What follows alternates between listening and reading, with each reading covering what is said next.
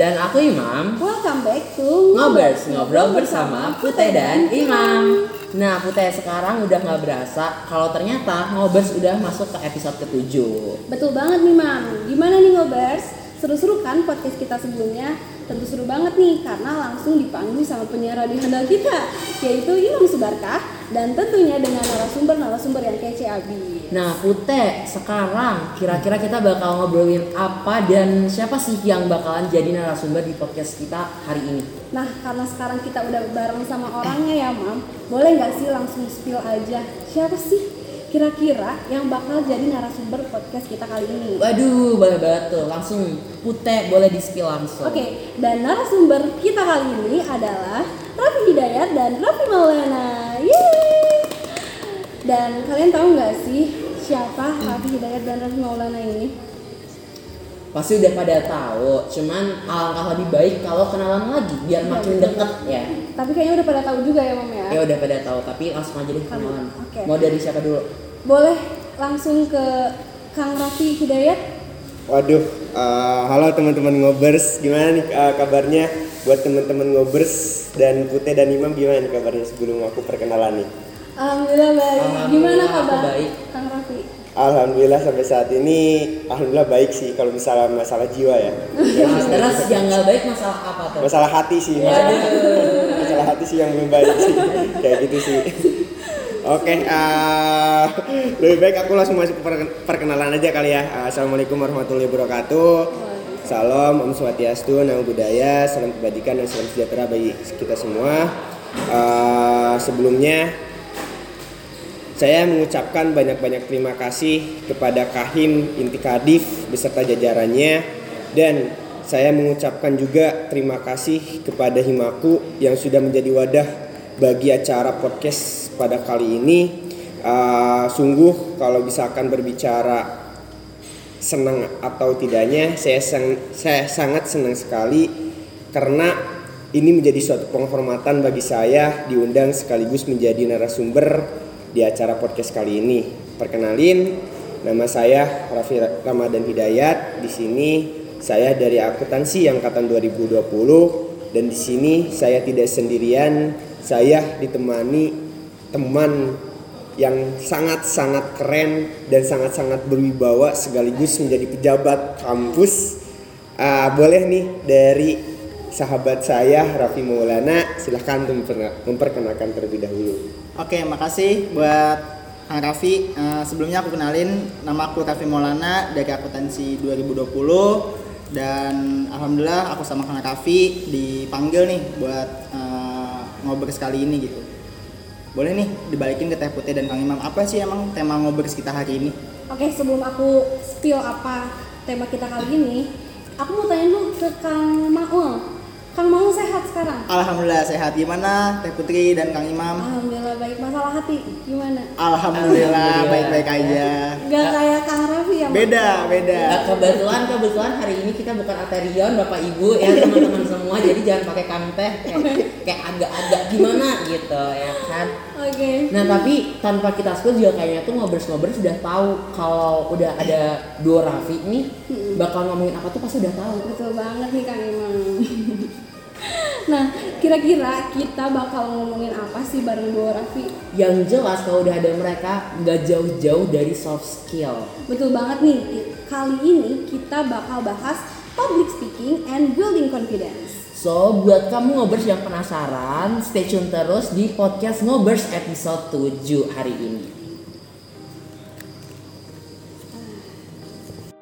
Tadi kan udah di spill ya tema kita hari ini eh, public speaking and building confidence. Nah, kira-kira Pute, kita langsung tanya ke narasumber kita nih. Menurut mereka, public speaking itu apa sih sebenarnya? Iya. Boleh dari Raffi dulu, Raffi, Raffi, Raffi, bukan Raffi Maulana ya, Raffi Ramadan Hidayat. Oke, eh, kalau berbicara definisi mungkin ya, kalau berbicara definisi public speaking banyak sekali definisi-definisi dari para ilmuwan, para ahli, para blogger maupun para penulis yang mendefinisikan public speaking itu apa sih? Dan banyak sekali uh, public speaking itu sebagai sebuah presentasi gitu loh. Tetapi bahwasanya eh, kita berbicara definisi public speaking itu bukan tentang hanya bagaimana cara kita mempresentasikan di depan banyak orang gitu loh tetapi bagaimana cara kita memberi informasi terhadap beberapa ataupun banyak orang gitu loh.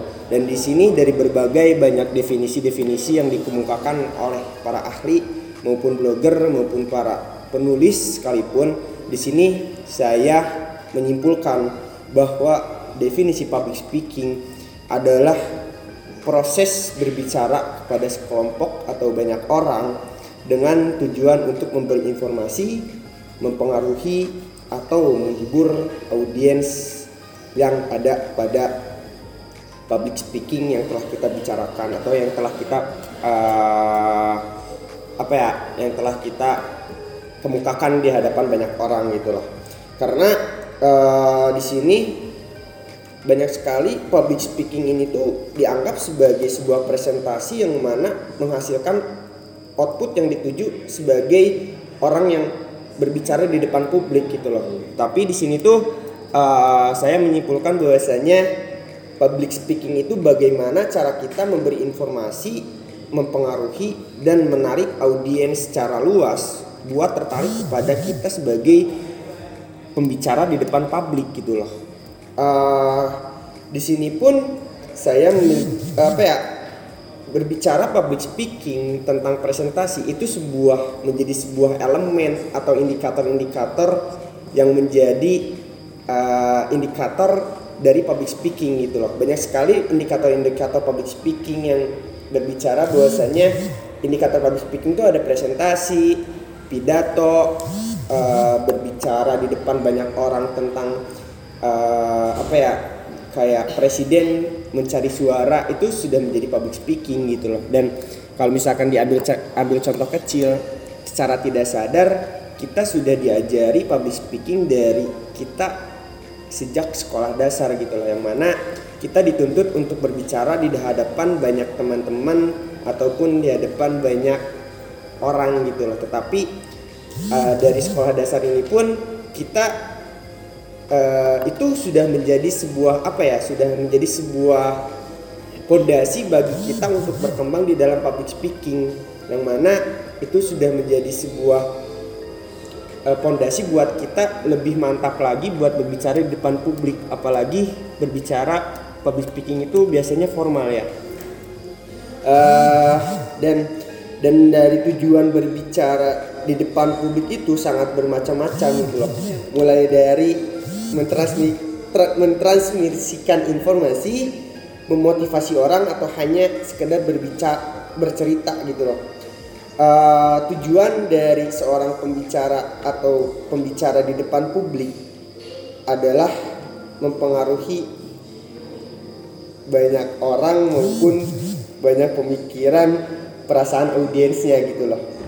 Gitu aja sih kalau dari aku tentang definisi public speaking panjang sekali ya. Definisi iya coba putih khas nggak lanjut. Ke bapak Maulana.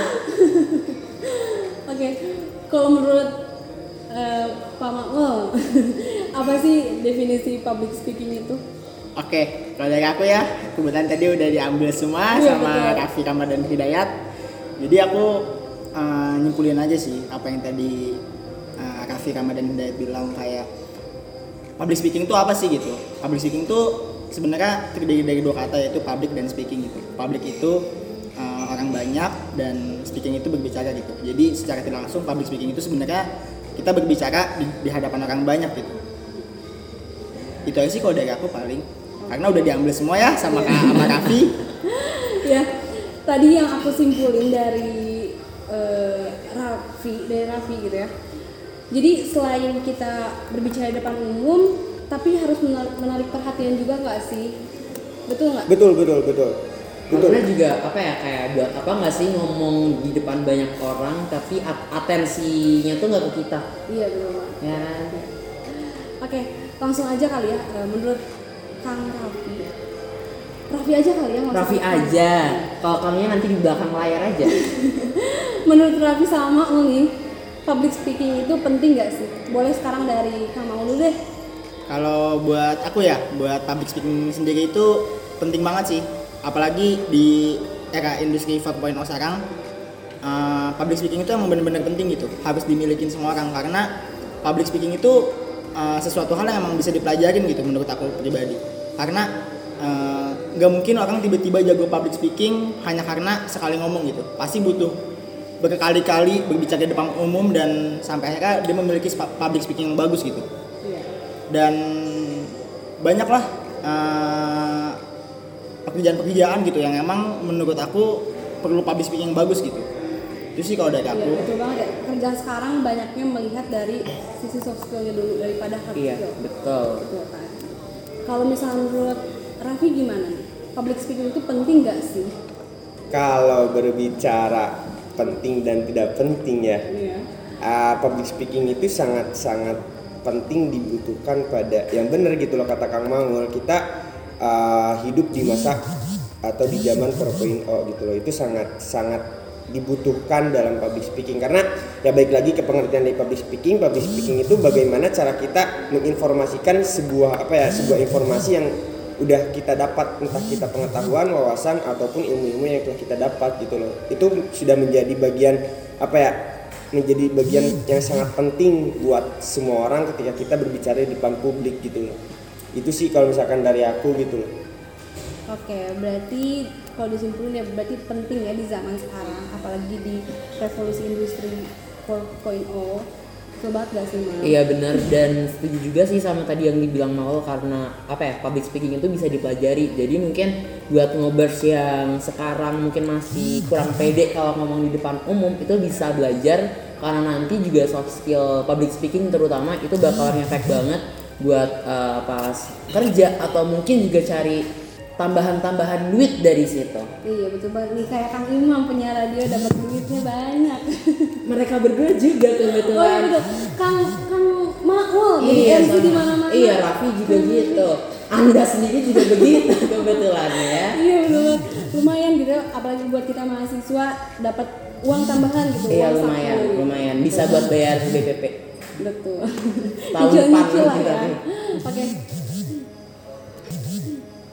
Nah tadi kita udah ngobrolin tentang Penting gak sih ya penting gak sih public speaking, terus juga kita udah ngobrolin definisi? tentang definisinya juga. Sekarang eh, menurut eh, Raffi dan Makmul dari banyaknya profesi nih yang ada di muka bumi ini, eh, menurut kalian semua profesi itu butuh nggak sih tentang public speaking? Dari siapa dulu nih? Dari siapa dulu nih? Tadi udah Raffi, terus udah Makmul, sekarang ke Raffi lagi. Oke, eh, kalau berbicara tentang profesi ya, eh, aku eh, atau saya lebih nggak menyudutkan berbagai profesinya sih, Eh, tetapi di sini lebih ke aspek semua manusia yang ada di muka bumi ini.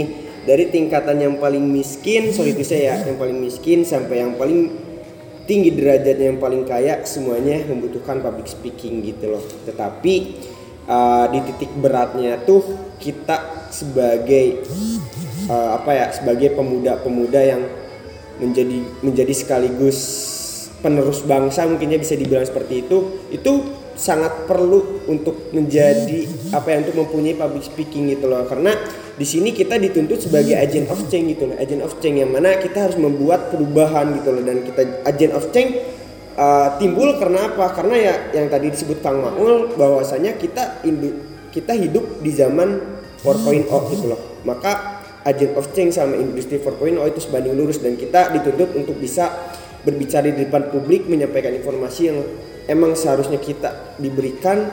Itulah eh, apa yang sangat penting buat kita sebagai pemuda-pemudi buat mempunyai public speaking gitu. Jadi eh, kesimpulannya eh, semua elemen manusia di muka bumi ini membutuhkan tapi dituntut pemuda-pemudi yang emang menjadi penerus bangsa. Gitu sih kalau menurut aku tentang pentingnya public speaking ya. Iya itu betul sih kalau. Jadi kita sebagai makhluk ini sebagai agent of change gitu ya. Iya betul. Iya benar Pak. Setuju Aku sih, setuju Iya, sih ya gak sih setuju karena kan apalagi kan kayak anak-anak muda nih yang Iya. jadi apa ya kayak harapan-harapannya gitu. harapan-harapan bangsa gitu ya. Ya jadi beban gitu kan sebenarnya tapi nggak beban juga. karena emang pas udah di kita kayak apa ya kayak semuanya juga udah mulai membaik gak sih dari pendidikan infrastruktur Betul. segala macamnya juga Iya. Kalau misalnya dari Kang Mau gimana nih? Kalau menurut aku sih public speaking itu ya harus dimiliki semua orang sih. Benar kata Kang Raffi tadi dari kalangan yang paling bawah sampai yang paling atas itu penting gitu. Karena kalau misalnya kita ngelihat gitu, para direktur, manajer di sebuah perusahaan itu yang mempunyai public speaking bagus gitu. Uh, banyaklah orang di luar sana yang emang memiliki kelebihan kecerdasan dan kepintaran tapi mereka nggak jadi public speaking yang bagus ya banyaknya mereka nge-stuck di sana aja gitu karena menurut aku sebagai direktur dan manajer di sebuah perusahaan itu butuh gitu public speaking yang bagus untuk berbicara ke klien atau ke bawahannya uh, untuk menyampaikan informasi secara jelas lah gitu tapi balik lagi gitu yang aku bilang tadi kalau public speaking itu masih bisa diasah jadi semua orang itu pasti bisa lah mempunyai public speaking yang bagus gitu sih kalau dari aku Asal mau belajar bener gak sih? Mau? betul betul banget kalau itu Mau berproses juga. Karena nggak nggak semuanya langsung jadi gitu. ya Itu betul butuh proses gak sih? proses yang sangat panjang lah kalau sepakat sih sepakat setuju Dan eh, ngomongin public speaking nih, masih public speaking. Kira-kira teknik apa aja sih yang dibutuhin untuk public speaking sendiri? Boleh dari Kang Mau dulu sekarang. Kalau teknik ya, aku sebenarnya nggak mempunyai teknik khusus gitu buat public speaking karena eh, itu udah aku pelajarin dari SMA ya, dari ikut kepanitiaan kepanitiaan, ikut organisasi-organisasi yang di mana aku dipaksa gitu untuk berbicara banyak di depan umum. Ya emang awalnya aku nggak punya public speaking yang bagus gitu, nggak punya sama sekali. Tapi karena keadaan dan itu bisa gitu, karena kebutuhan sih sebenarnya kalau sekarang. Hmm. Itu sih kode Iya. aku. Ya sekarang kebutuhan ya. kebutuhan sih Butuh semua orang tuh butuh namanya public speaking. iya setuju kalau itu Kalau dari Kang dari Raffi, Kang mulu ya. Oke, kalau dari aku sih eh, teknik apa aja sih yang dibutuhin dari public speaking ya? Eh, kalau misalkan teknik, gak ada teknik khusus sih. Eh, aku sepakat sama Kang Makmu. Cuman yang harus dipersiapin dari semua orang ketika kita berpublic speaking adalah mental. Mental menjadi sebuah eh, pondasi utama buat kita berpublic speaking dengan lancar gitu loh karena kalau misalkan kita tidak mempunyai mental yang bagus public speaking itu akan akan hancur kita nggak bakal bisa berpublic speaking tanpa mental kita yang kuat gitu sih kalau misalkan dari aku kalau misalkan teknik ya kalau misalkan dari aku gitu sih persiapin aja mental kalian buat berbicara di depan publik itu aja sih kalau dari aku Gimana nih Kang Imam setuju nggak sama Kang Raffi? Kalau aku sih setuju banget karena eh, kadang kalau kita udah eh, bisa public speaking nih, tapi kayak mental kita tuh lagi nggak kuat atau enggak kayak lagi ke distract apalah gitu, itu pasti kayak langsung buyar gitu, kayak langsung kacau gitu loh. Iya. Mau sejago apa pun tuh orang public speaking. Jadi emang bener mental tuh harus disiapin gitu ya? Betul. Gitu ya, Raffi? betul sepakat sepakat banget itu Oke, pertanyaan selanjutnya? Kita bahas tentang teknik yang dibutuhin buat public speaking, ya kan Pute? Betul, Mam. Betul ya. Nah sekarang kira-kira eh, tadi juga aku udah mention ya kalau misalkan eh, punya teknik public speaking yang bagus tapi eh, ke distract entah apa pun itu entah itu nervous atau rasa gugup gitu itu juga kan pasti buyar juga. Iya, nah aku, aku- ya kan aku mau nanya nih buat eh, Raffi sama Mamo nih Eh, gimana sih cara buat mengatasi nervous dan gugup pas lagi ngomong di depan umum? Bisa dari siapa dulu? Raffi. Raffi dulu. Oke, eh, kalau berbicara nervous dan gugup ya, aku eh, lebih menggarisbawahi nervous dan gugup ini sih. Aku lebih kayak menyimpulkan bahwa gugup itu disebabkan oleh dua hal. Yang ke satu yaitu karena tidak biasa dan yang ke satu yaitu karena tidak menguasai materi terhadap apa yang kita mau sampaikan di depan publik gitu loh. Eh, dan agar terbiasa kita buat berbicara di depan publik dengan lancar dan tidak gugup, kita harus banyak latihan. Tujuannya apa sih kita agar banyak latihan itu?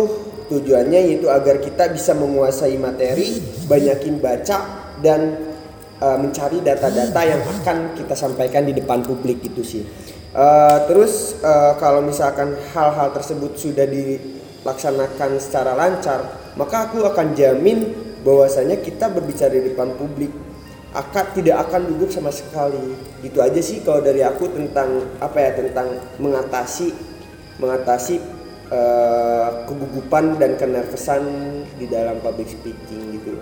Tapi aku mau tanya nih dari Raffi sendiri gitu ya. Kalau misalnya public speaking di depan banyak orang ya, itu Raffi kan di sini tuh eh, apa ya? Raffi tuh udah kayak bagus di public speakingnya gitu di mata orang-orang.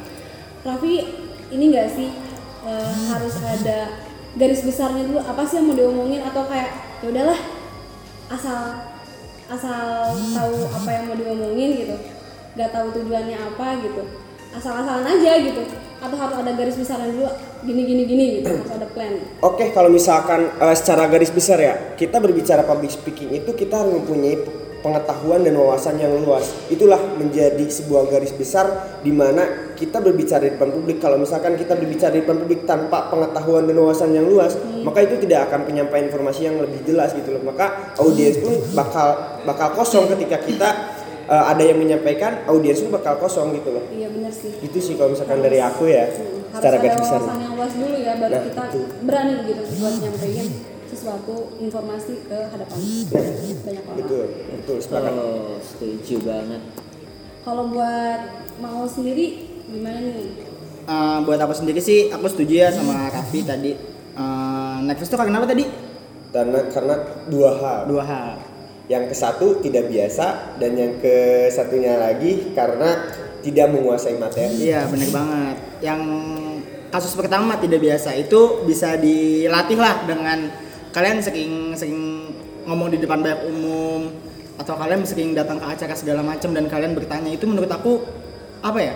Ketika audiens ada di sebuah acara dan dia nanya, menurut aku itu udah menjadi bagian dari public speaking gitu. Dia berani mengutarakan suara dia di depan banyak orang. Jadi kalau misalnya nomor satu sebenarnya aku bisa ngatasin sih dengan cara dibiasain aja kayak emang awalnya tuh pasti canggung, pasti susah gitu, pasti bakal nervous gitu. Cuman kalau emang dilatihnya sering itu bakal jadi yang bagus gitu.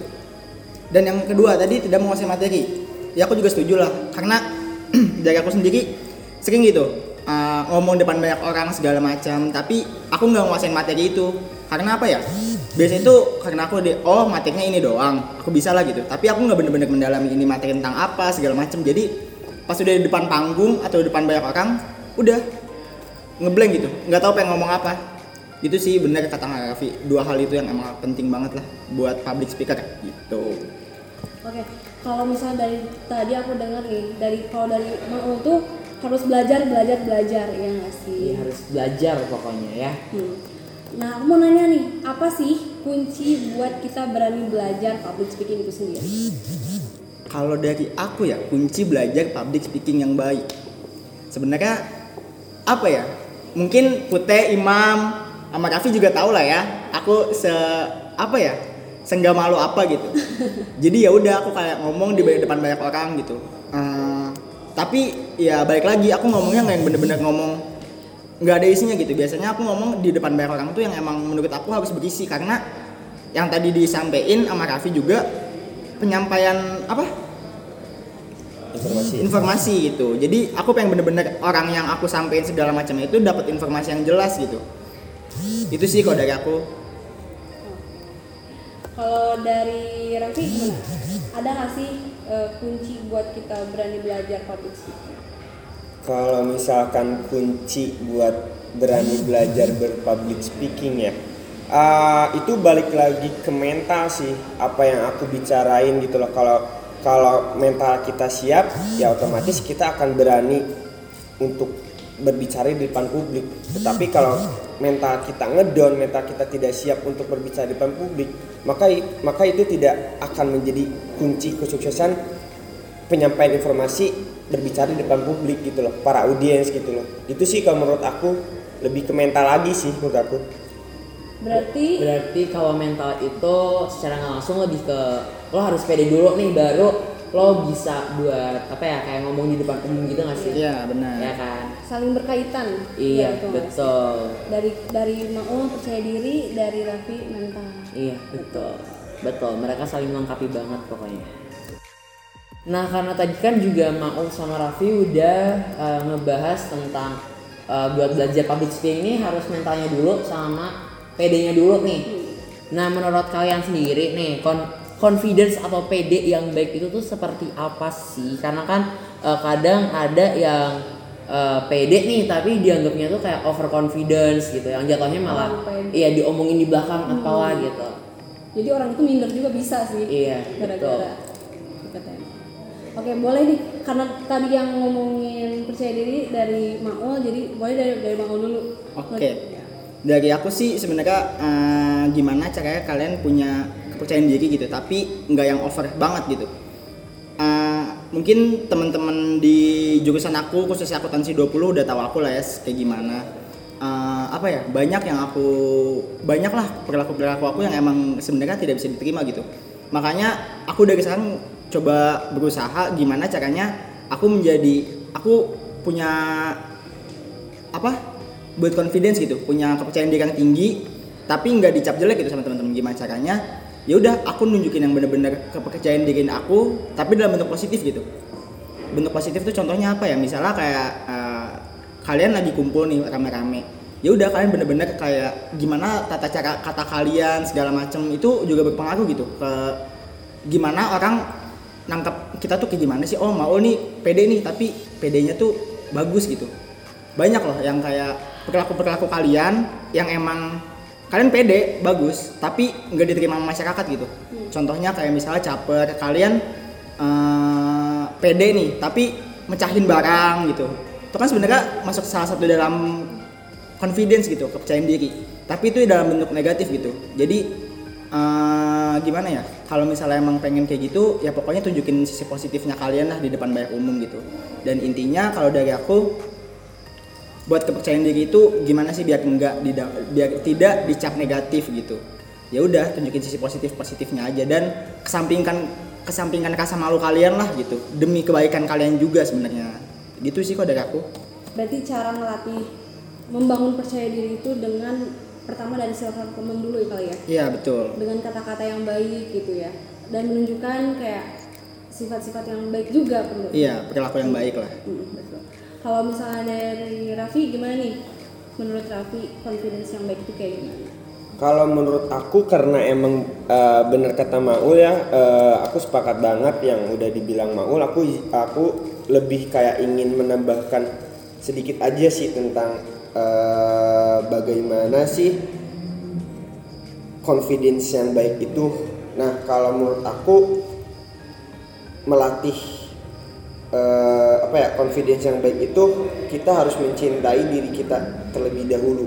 Maka kepercayaan diri kita bakal meningkat. Mungkin itu aja sih singkatnya. Kalau dari aku kita harus mencintai diri kita sendiri dulu. Kita maka kalau kita mencintai diri kita sendiri maka kita akan pede di hadapan orang. Itu aja sih kalau dari aku. Setuju, setuju. Nah, kalau misalnya ini kita balik lagi ke public speaking ya. Bagaimana caranya mengantisipasi eh, lupa ketika berpublic speaking? Dari Kang Raffi. Oke, kalau misalkan dari aku ya berbicara lupa, lupa merupakan sebuah penyakit yang di- yang dipunyai oleh setiap manusia gitu loh. Betul. Ah, lupa ini tidak luput dari kesalahan manusia gitu loh. Oleh karena itu, kalau misalkan cara mengantisipasi lupa, kalau menurut aku pribadi ya, eh, kita harus ya baik lagi ke kata-kata aku eh, apa ya penjawaban aku dari awal gitu loh. Kita harus menguasai materi terlebih dahulu, lalu kita membuat poin-poin apa yang mau kita sampaikan kepada kepada audiens gitu loh. Maka eh, kita tidak akan lupa gitu loh ketika kita sudah menguasai materi dan kita sudah menguasai poin-poin apa sih yang harus disampaikan kepada audiens gitu aja sih kalau dari aku untuk mengatasi lupa ya Iya. Jadi kita harus tahu poin-poinnya dulu ya. Jadi Iya. biar mempersingkat narasi dan kayak ya udah poin-poinnya ini ini ini. Jadi semuanya sampaikan gitu ya. betul karena kalau misalkan kita berbicara lupa nggak bakal ada habisnya gitu karena itu merupakan penyakit yang dipunyai oleh setiap manusia gitu loh Iya, betul. itu sih manusia ya, nah pasti itu itu betul Tapi sepakat sepakat Raffi, eh, lo pernah gak sih kayak eh, di fase di mana lo harus ngomong nih tapi kayak lo ngeblank gitu?